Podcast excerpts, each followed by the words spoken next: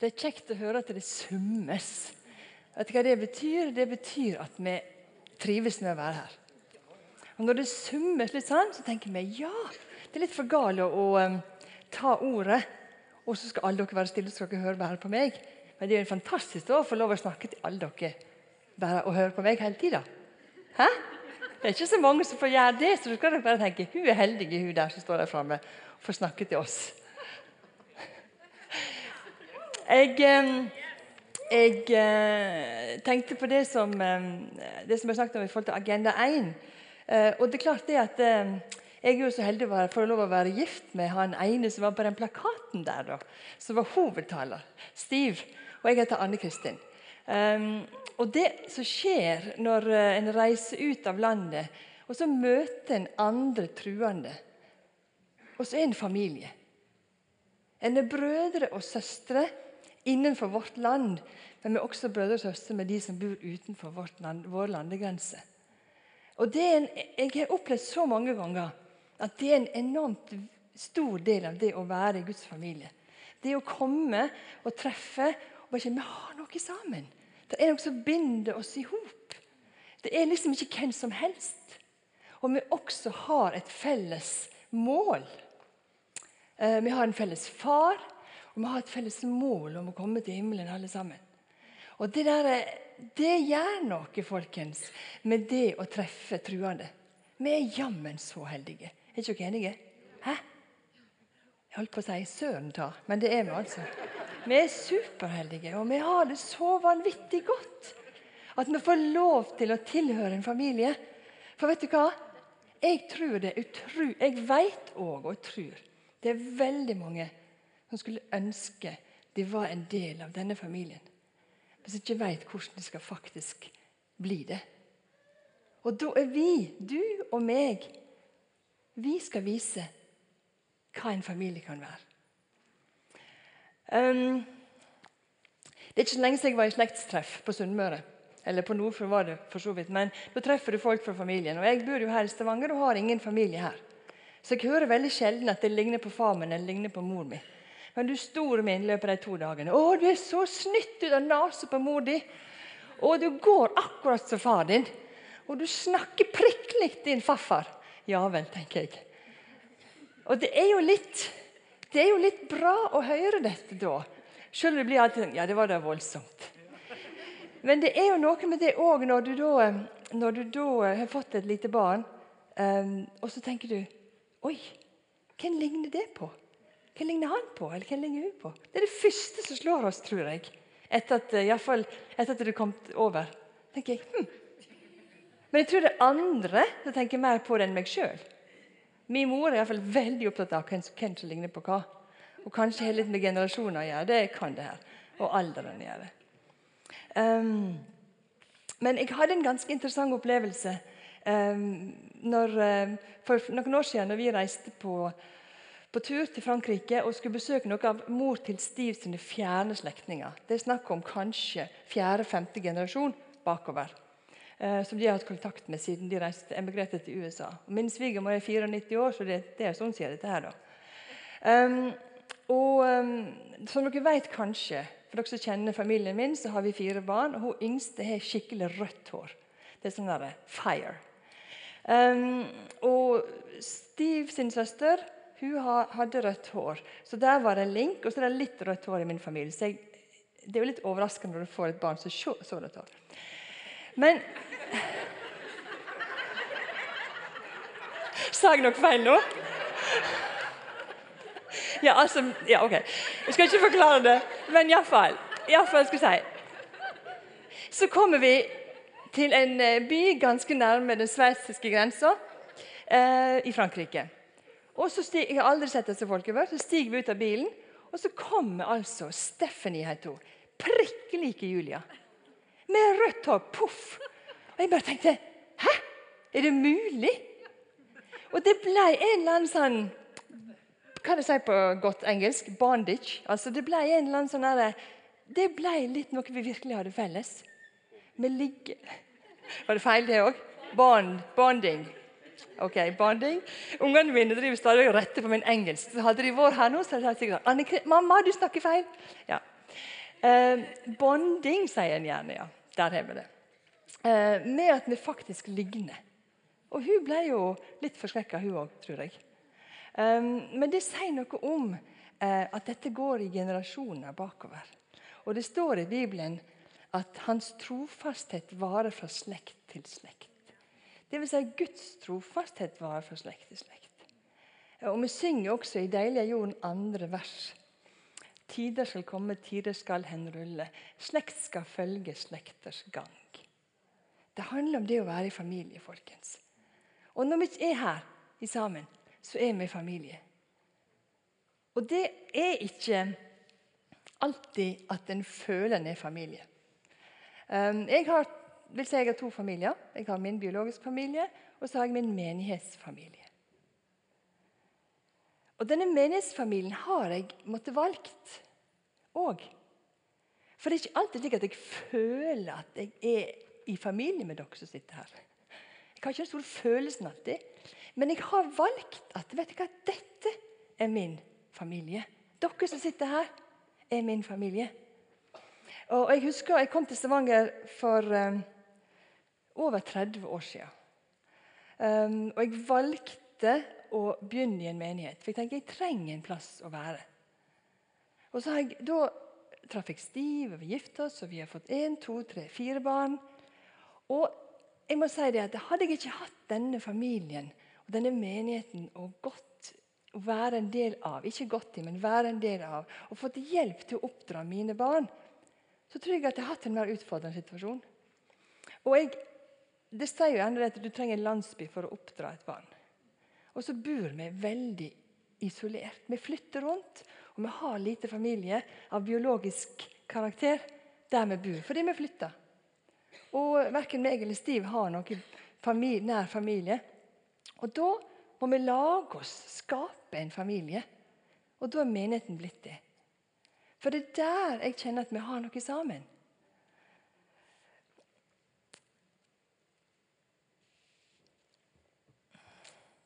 Kanskje du forstår hva vi skal snakke om. Guds familie. Men vi skal ikke snakke bare om Guds familie, vi skal snakke om at Gud utvider familien. At Gud er familie og skaper familie. Hvis vi snakker litt på ordet familie, smaker litt på det, så kan det gi oss forskjellige assosiasjoner. Det kan være trygghet, det kan være gode måltid, latter. Men det kan også være indre sår, det blir oversett. Det blir stilt krav til og forventninger som var ikke spesielt gode. Og Det har ført til disse erfaringene, tror jeg, at vi har forskjellige erfaringer med det å være familie. Og så har vi som kirke unngått på en måte å snakke om det med familie. Så redde for å såre noen i forhold til det. Og Jeg er helt sikker på i denne forsamlingen med så mye folk, så sitter vi med helt forskjellige erfaringer hva det vil si å være familie. Men jeg ønsker, og jeg tror og jeg mener at vi skal ta tilbake begrepet familie. Og vi skal ta tilbake begrepet far.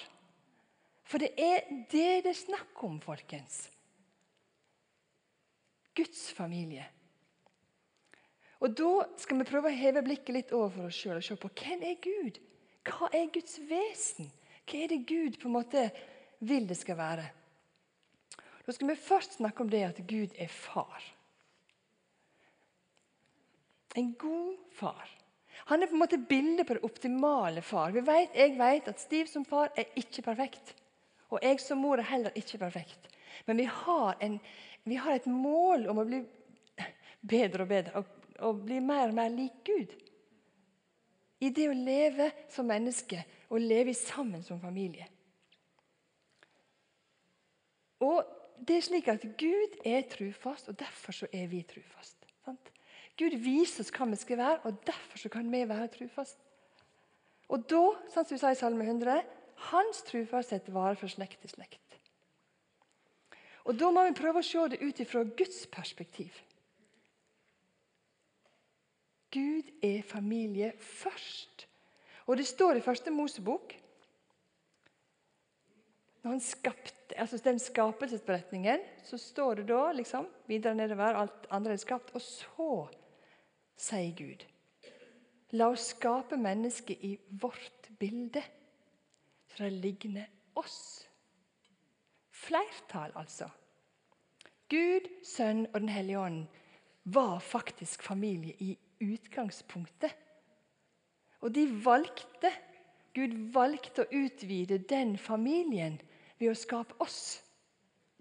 ikke det er interessant å tenke på? Valgte, Gud valgte altså oss åpne familien sin, så vi skulle få bli en del av det.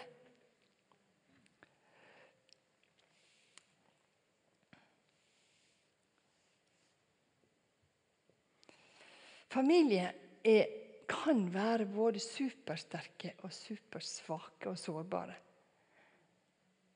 Og Dennis Hill kan skrive, beskrive menigheten på denne måten. Den er sårbar fordi vi vet at det kan mislykkes. Men det bærer potensial i seg til å være supersterk. Den er sårbar fordi vi vet at det kan mislykkes, men det bærer potensial i seg til å være supersterk. Og Hvordan skal vi som familie, altså kirke og familie, være supersterke? Jo, det bygger på relasjoner, det bygger på anerkjennelse, og det bygger på respekt. Det bygger på at vi ser hverandre. Når du kom inn her i dag, var du opptatt av å se andre, eller var du opptatt av å bli sett? Hva holdninger har vi når vi kommer inn i familien? På det slektstreffet som jeg var på sist eh, for et par helger siden, så la jeg merke til alle var opptatt av at her skulle vi ha det bra. Det er lenge siden jeg har truffet dem. Mange av de søskenbarna mine har ikke truffet på 20-30 år. Og Vi hilste på hverandre, opptatt av hvordan skal vi være sammen denne dagen og disse dagene. her. Vi trenger å catch up. Og Det tenker jeg for oss når vi kommer sammen her. Vi er familie, folkens. Og i denne her, eh, her så handler det ikke om å skulle ha kommando eller direktiver eller være sånn Det kanskje må en hær ha for å få kontroll over ting, men ikke en familie. Gud skapte familien og åpna familien. Men så, folkens syndefallet. Familien gikk faktisk i stykker gjennom syndefallet. Relasjoner ble brutt. Og Det er ikke få eksempel i Bibelen på at Kain slo Abel i hjel, eller Jakob stjal fra broren sin. Sånn, stadig vekk snakker om brutte relasjoner. Vanskelige relasjoner. Josef og brødrene, f.eks. Det er ikke få eksempel i Bibelen. Men det som er så fantastisk, det er at Jesu død på korset ga oss nytt håp for familien. Til å være både supersterk og supersårbar. Jesu, kors, Jesu død på korset kom ikke bare for å ta våre sykdommer på seg, men også de brutte relasjonene. folkens. Han kom for å gjenopprette de brutte relasjonene både med Gud, som allerede var der, men også mellom oss, mellom oss folka. Oss som sitter her, oss som lever på jorda i dag. Og Det er helbredelse i Jesu kors i forhold til brutte relasjoner. folkens. Amen. Det er helbredelse dette må jeg bare gjenta, det er helbredelse for oss. Fordi vi alle sammen sitter her har opplevd relasjoner som har såra oss. Enten ulike grader, men uansett. Men det er en helbredelse for det. folkens. På samme måte som helbreder en eller annen form for sykdom, så er det helbredelse for dette. Og takk og lov for det! Ellers hadde jeg aldri stått her i dag. Sant? Ellers har vi aldri klart dette. For Guds vesen er at han ønsker en sånn kjærlighet til oss mennesker. Han ønsker å sende sin eneste sønn for at vi skulle få lov til å få kontakt med Gud igjen. For vi trenger hans helbredelse. For vi klarer oss ikke alene.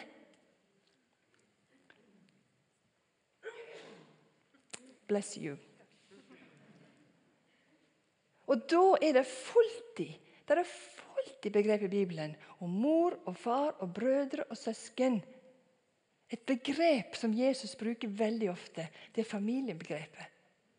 Til og med når han hang på korset, folkens, så sa han til Johannes du, ta mor di, ta mor mi til deg.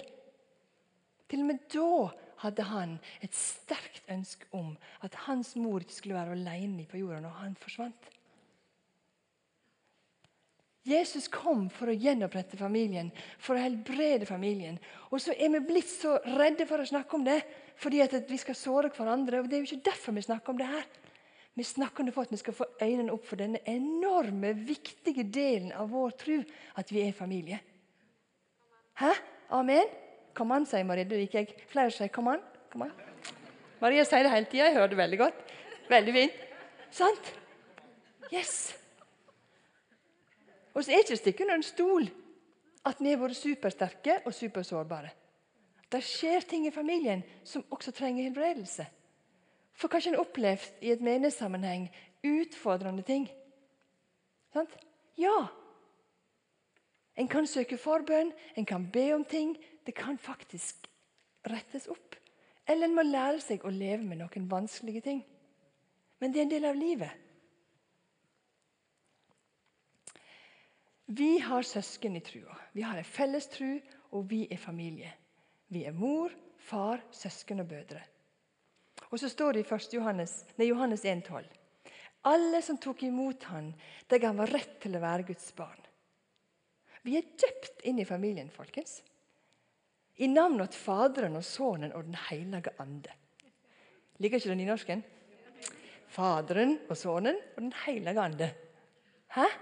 Fantastisk. Det er sterkt, og det er stort. Og det er i den treenige familien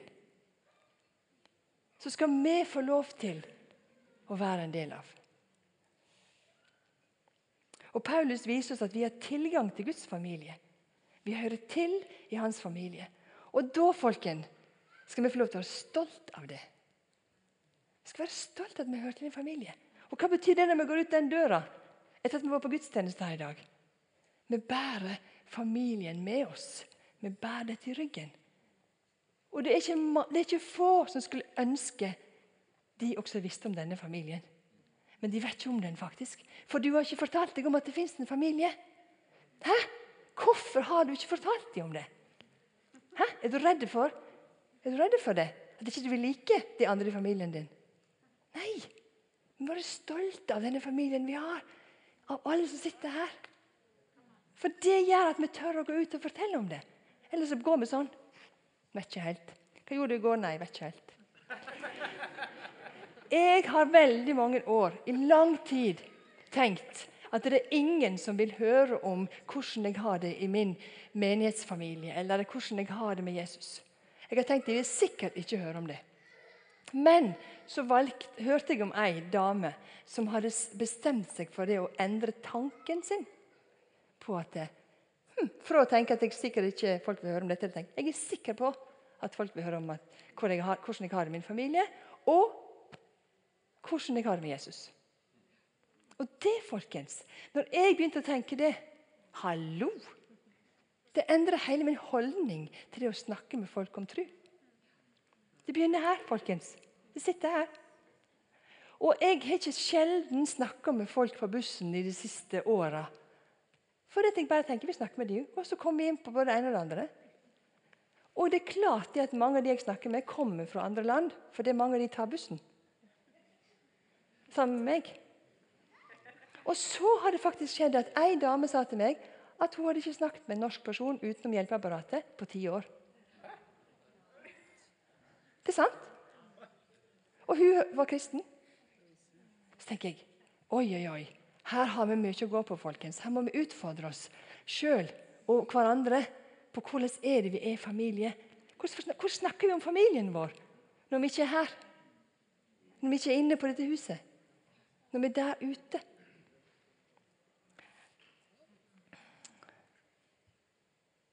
Og Jesus ville at vi skulle komme hjem.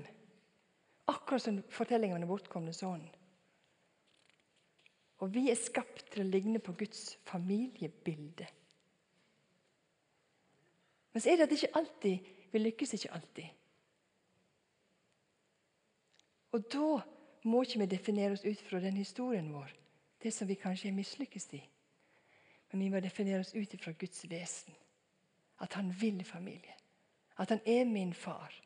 At han er den som faktisk går foran. At han omslutter meg alt det som Anne sa i begynnelsen. At han er en far som ønsker å ta imot oss akkurat sånn som vi er. Og vi må ikke bli dårlige kopier av alle andre. Vi elsker jo å si innimellom å, det er så fantastisk vi er så forskjellige. Men så går vi og prøver å bli kopier av hverandre hele tida. Vi gjør jo det. Jeg snakker like mye til meg sjøl snakker til dere som sitter her. Jeg, jeg liksom Å nei, å nei, jeg tør ikke. Og så. Tenk om vi fikk den skikkelig friheten til å være den Gud har skapt oss til å være i denne familien. Og det er klart, da kan det bli litt eh, Det kan bli litt eh, ja, urolig av og til, og ikke alltid like enkelt. Men det er et mangfold vi trenger.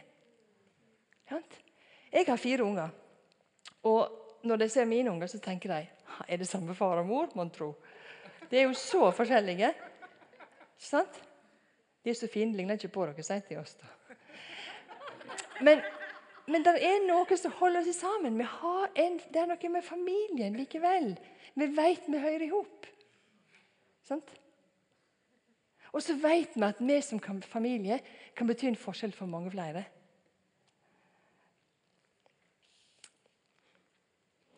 Hva er forskjellen da på en familie og en organisasjon? For Vi ser gjerne på Kirka som en organisasjon. gjør vi Det Det er jo det som er litt utfordrende for oss. da. Men i en familie så er du født inn i en familie. Eh, når du, du er, når du er inne i Guds familie, så er du født inn i Guds familie. Men i organisasjonen så melder du deg inn. Du blir medlem. Og I en organisasjon så er det avhengig av funksjonen eller rolla du har i den, i den menigheten eller den organisasjonen. Men i en familie så hører du faktisk til. Uavhengig av rolle, funksjon, hvem du er. Og Familie er for så vidt både sterkere og mer sårbar enn en organisasjon. Og Banda i en familie er også sterkere. Og I kirka så trenger vi både at vi er familie, men vi trenger òg at det er en struktur i dette. Så Det er ikke sånn bare enten-eller, for det er jo litt, sånn litt annerledes. Men det der med å se, begynne å tenke og snu våre tanker om at vi faktisk ikke Det er ikke en organisasjon vi først tenker på men en familie vi først tenker på.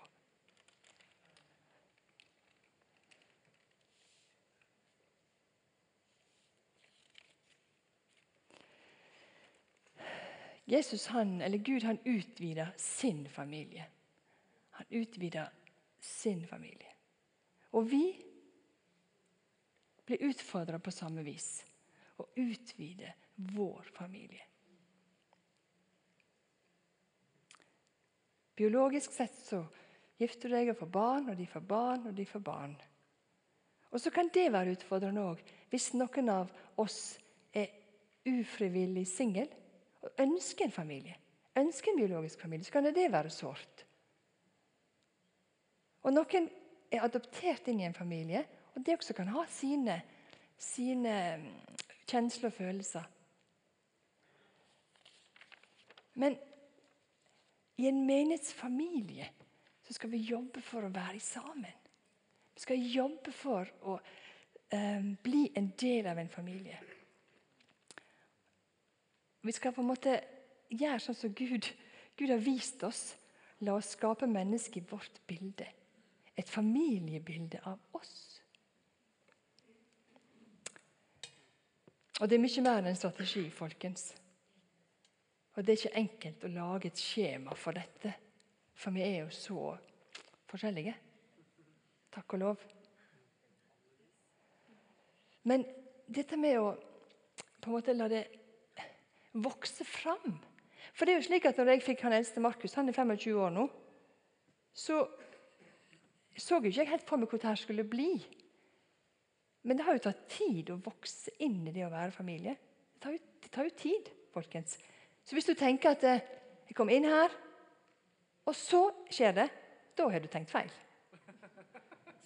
For det er ikke sånn det fungerer. Faktisk må du investere i familien. Investere i det og si vet du hva, jeg er en del av denne familien. Jeg investerer i dette. Jeg ønsker faktisk å prioritere å være her. Og det kan være mange motiv da, for å være en del av en familie. Det kan det òg. Inger Helen. Der er du, ja. Jeg var litt redd ikke du var her. Jeg. Kan du gi Inger Helen en god klapp?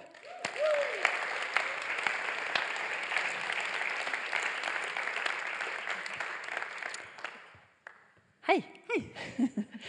Inger Helen, for å si det, hun er gift med John Gundersen, jobber i Imekirka. En fantastisk dame. Ja. Yes. Um, du um, fortalte meg at um, dere flytta til byen hit. Dere er fra bergensområdet. Um, så hadde John faren sin der, så døde han. Og så plutselig var dere uten sånn, biologisk familie. Hva, hva tenkte du da? Nei, jeg syns jo det er litt eh, Det var litt dumt å ikke ha familie her. Vi har jo biologisk familie i Bergen og sånn rundt der, men de er jo liksom litt langt unna sånn i det daglige. Ehm, så da tenkte vi at vi egentlig kunne skaffe oss litt familie på egen hånd. På egen Her, hånd? Ja, her, sånn, Ja vel. sånn. Og Ja. hvordan gjorde dere det? Nei da. um, nei, det var ikke akkurat sånn vi satt med en liste. Liksom, skal vi ta de, eller nei? Nei. Men uh, vi hadde liksom noen vi hadde blitt litt kjent med, så vi tenkte vi kunne bli litt bedre kjent med. Og, ehm, ja, Mette og Johanne da, de har heller ikke familie her i byen, så det, ja, vi tenkte kanskje det passet litt godt. Så kanskje de òg kunne tenke seg det å ha litt familie her. Ja? ja. Ja. Du sa til meg da og Jeg synes jeg skal være litt, litt ærlig på dette, her da, for det får jeg lov å si det. Ja. Det var egentlig litt egoistiske motiv. Ja. Ja, For de hadde lyst på familie. og så var det ikke slik at jeg syntes synd på folk, men kanskje Nei, det var egentlig litt sånn mer egoistisk at vi har lyst til å ha Ja. ja. Jeg liker den. liker den. Ikke, kjenner ikke dere igjen i det? Jo, det gjør dere helt sikkert. Ja. Mm. Eh, hvor, lenge, hvor lenge er dette her siden? Jeg tror så, kanskje sånn fire år cirka. Fire år. Siden- Ja, Ja. sånt. Så da tok du og John et litt bevisst valg på at nå ønsker du dere å bygge mer relasjoner med Johanne og Mette. Mm. Ja. Og så, Hvordan har det utvikla seg, da? Nei, altså Ja, vi har kanskje møttes sånn og spise middag eller spise kvelds. eh, vi deler liv, eh, kan be sammen, bare henge sammen, eller eh, faktisk òg være sammen uten å sitte og snakke, men f.eks. sitte litt bare i samme stue og lese i hver sin bok, hvis det var det. Um, men det er jo litt sånn Det er noe som tar litt tid. Um, ja. Det tar litt tid å bli kjent og bli trygg på hverandre. og um, ja, Det er ikke liksom noe som bare skjer rett over natten.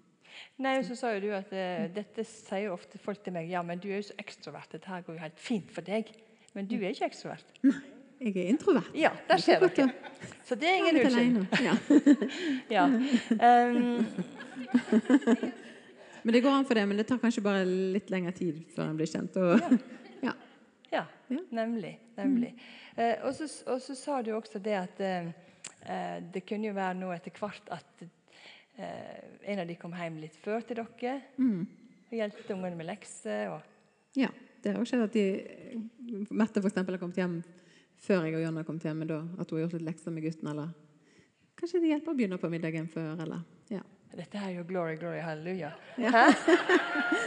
Hvem vil ikke ha det sånn? Hvem vil ikke ha det sånn?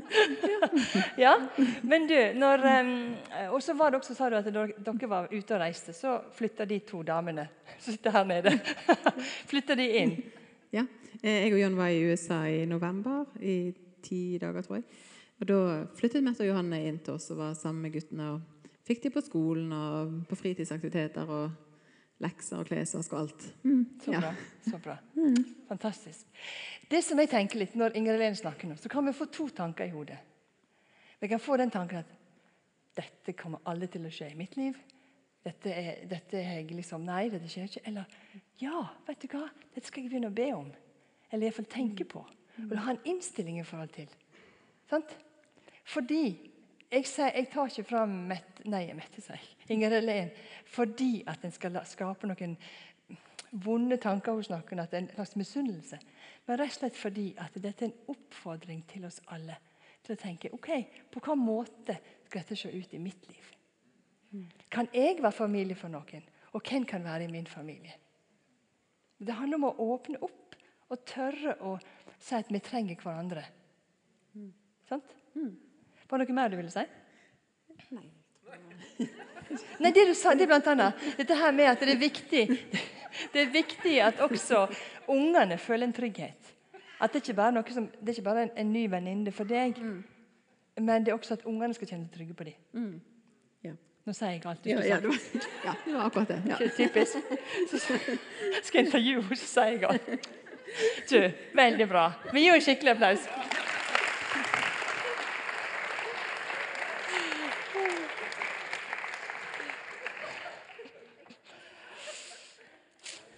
Ok. Tusen takk, Inger Helen. Var ikke det, fint, var ikke det en fin uh, vitnesbyrd? Glory, glory, halleluja. Mm. Dette handler om å bygge familie uh, med andre som er, vi er søsken med, og som vi deler tro med. Men um, når vi snakker om Guds familie, så snakker vi også om det er plass til flere. Og misjon det starta ikke med misjonsbefalinga i Matteus 28.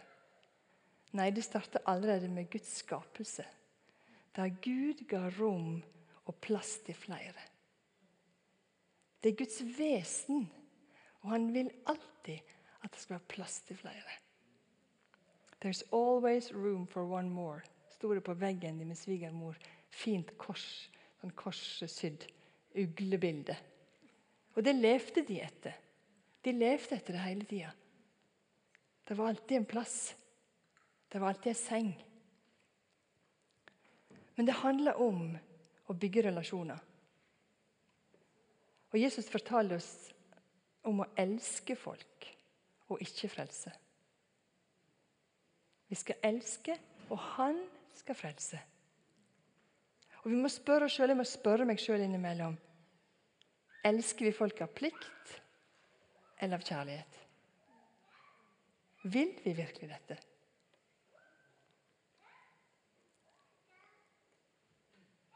Jeg ønsker at, at folk skal møte um, Jesus gjennom meg. Og Martin sier det ofte at vi de vet, har ikke sagt nei til Jesus, de vet bare ikke hvordan han ser ut. Og vi er hans ansikt i denne verden. Da må vi bygge relasjon. Det har vi også snakket om. Og vi må være tålmodige. At det kommer ikke nødvendigvis av seg sjøl. Vi må gå ut av denne evinnelige båten. Ut av våre evinnelige komfortsoner. Og stille noen spørsmål. Være åpne. Men det står også i 5. Mosebok så står det også kapittel 10 vers 18 og utover Han gjør rett mot farløse og enker. Og jeg tenker Det er veldig mange farløse i vårt samfunn. Som trenger en far og en mor. Som trenger åndelige mødre og fedre. Som trenger at vi, som kanskje er en generasjon eldre enn de andre, trenger at vet du hva, det er noe du har som noen trenger. Det står også det å elske innflyttere til landet, så han gir dem mat og klær. Dere skal elske innflytterne for de sjøl har vært innflyttere i Egypt.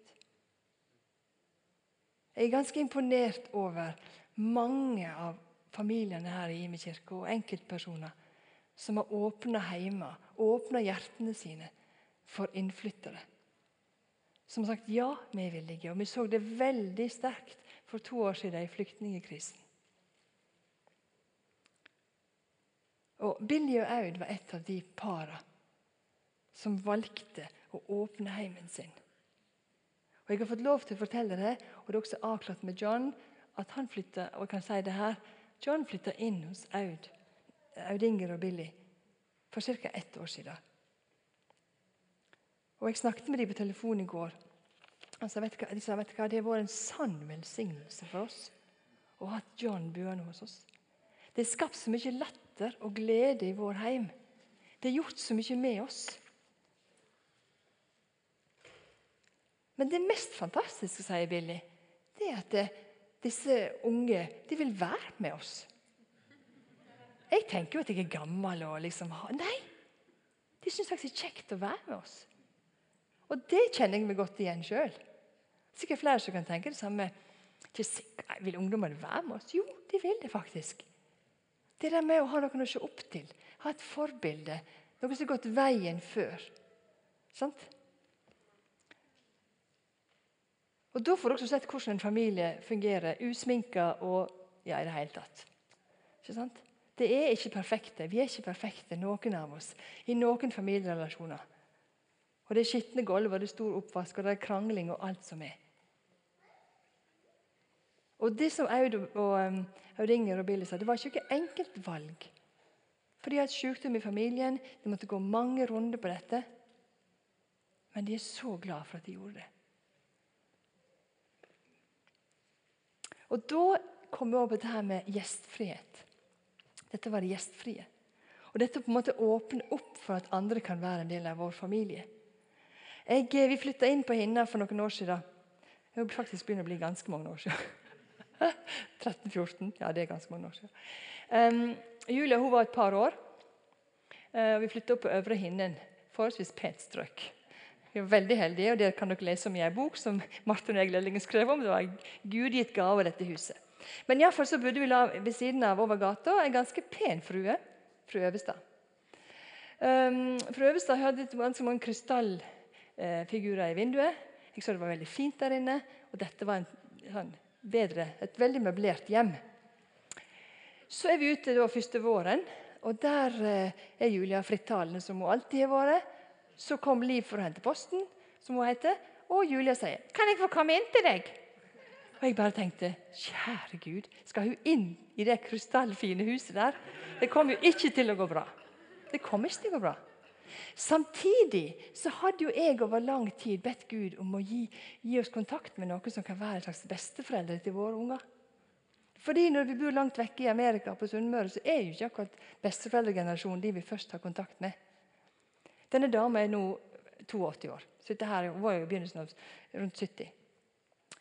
Um, så hun sa jo selvsagt ja, da. Denne Liv. Så Julie forsvant inn uten meg. Og jeg tenkte stor min tid. Dette har da ført til at Julia så på Liv som sin beste venn i mange år.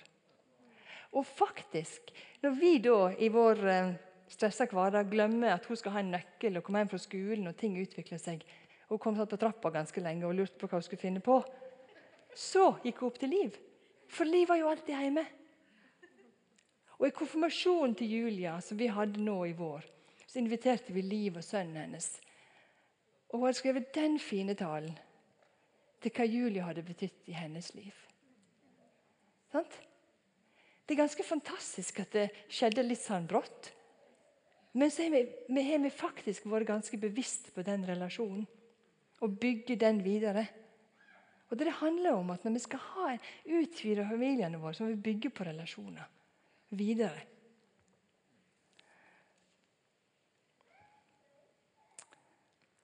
I gifteringen min så står, har vi et bibelvers som jeg har eh, Nå har vi vært gift i 30 år til sommeren. Store min tid. Jeg føler meg skikkelig gammel da.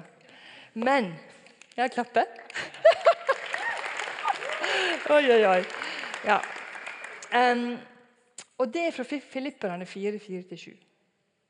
Og Det er på en måte vår, litt av vår visjon og vår, vår um, retningslinje for vårt familieliv. Og Der står det Gled dere i Herren alltid. Igjen vil jeg si dere, gled dere. La mennesker få merke at de er vennlige. Herren er nær. Vær ikke uroa for noe, men legg alltid ha på hjertet framfor Gud. Be og kall på Han med takk. Og Guds fred, som overgår all forstand, skal bevare deres hjerte og tanke i Jesus Kristus. Vi tar med oss forskjellige ting fra våre familier når vi vokser opp.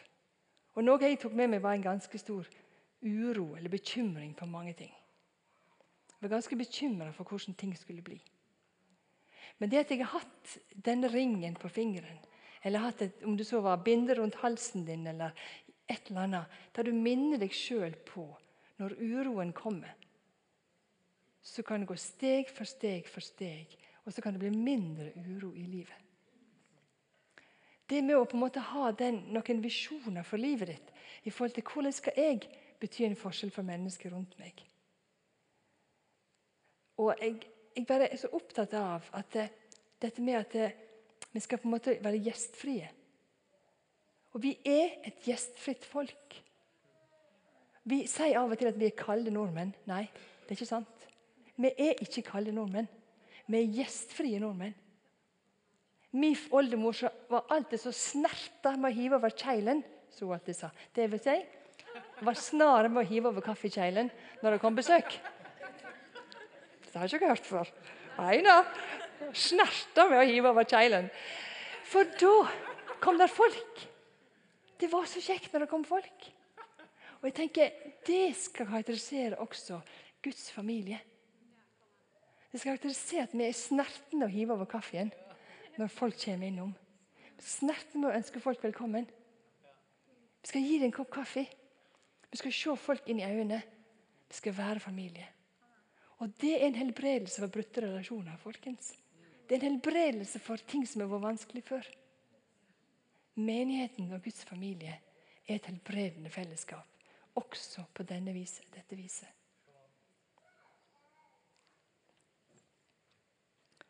Spørsmålet er da hvem er du sendt til, og hvem er du sendt sammen med? Hvem er du sendt sammen med? Hvem er du sendt til? Einar snakket om 'family on a mission'. Og Paul Jadao, som da har vært her flere ganger med Leif Hetland og talt, han er et eksempel på dette. Family on a mission. Han virkelig ønsker å snakke om familien, og ønsker at det skal bety en forskjell. Vår familie, vi som sitter her, vi hører sammen. Vi er on a mission, og du er ikke alene. Men hvem er du sendt til, og hvem er du sendt sammen med? Vi er alltid sterkere når vi hekter på noen.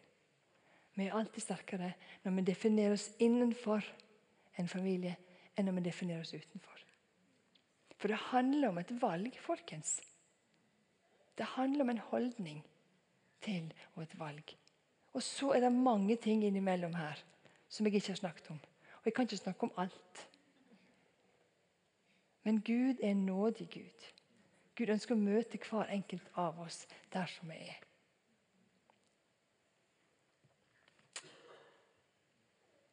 Gud utvider familien. Vil du definere deg inn forbi eller ut forbi, sånn som Guds vesen er? skal vi reise oss og be.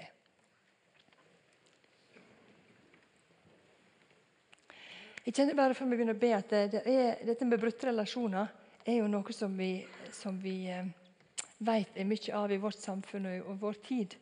Og Jeg ønsker bare å be spesielt for helbredelse av brutte relasjoner i dag. Uh, og Jeg tenker at eh, jeg kommer til å be en felles bønn, og du trenger ikke å gjøre det til kjenne. og alt dette her. Men jeg bare ber at vi skal ta fram hendene, så skal Guds, Den hellige ånd få komme og røre ved oss i forhold til dette. Og så skal vi be om at han skal um, komme nær ved sin ånd. Kjære himmelske Far, jeg bare ber om at du skal komme nå inn i hver enkelt av oss sine liv. Og vi har alle brutte relasjoner av ulik karakter. Jeg bare ber deg komme med din helbredende kraft, Jesus, inn i dette som er vanskelig. Og der vi kanskje ikke ser mulighetene, kanskje ikke ser at det går an å fikse eller ordne noen ting. Dette må vi leve med. Og Samtidig så bare ber om skal gi oss styrke til å leve i dette med visshet om at du er i vår ryggrad, Jesus.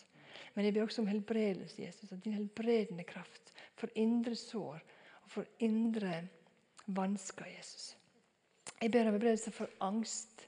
At du skal virkelig komme inn i menneskets liv Jesus, og ta vekk denne frykten og uroen for framtida for hvordan ting skal se ut. Og Jeg ber om at folk skal oppleve at vi er en del av en familie. Kom, himmelske Far. Kom, himmelske Far, med din hellige ande. Din hellige ande, Jesus. Din hellige ande. Kom med ditt nærvær, Jesus. Vi takker deg for at du faktisk er her. Du faktisk ønsker å komme og smøre salve på såra. Du bare ønsker å være til stede her i våre liv. Og Jeg ber om at du skal virkelig la oss få bli kjent for at Se hvor de elsker hverandre. Se hvor kristne og de som tror, elsker hverandre. Fordi du har utvida din familie allerede ved skapelsen. Ved ta oss inn. Takk for din helbredende kraft, Jesus, og for korset, for døden, for alt når du sto opp igjen. Kom, Hellige Ande. Kom, Hellige Ande.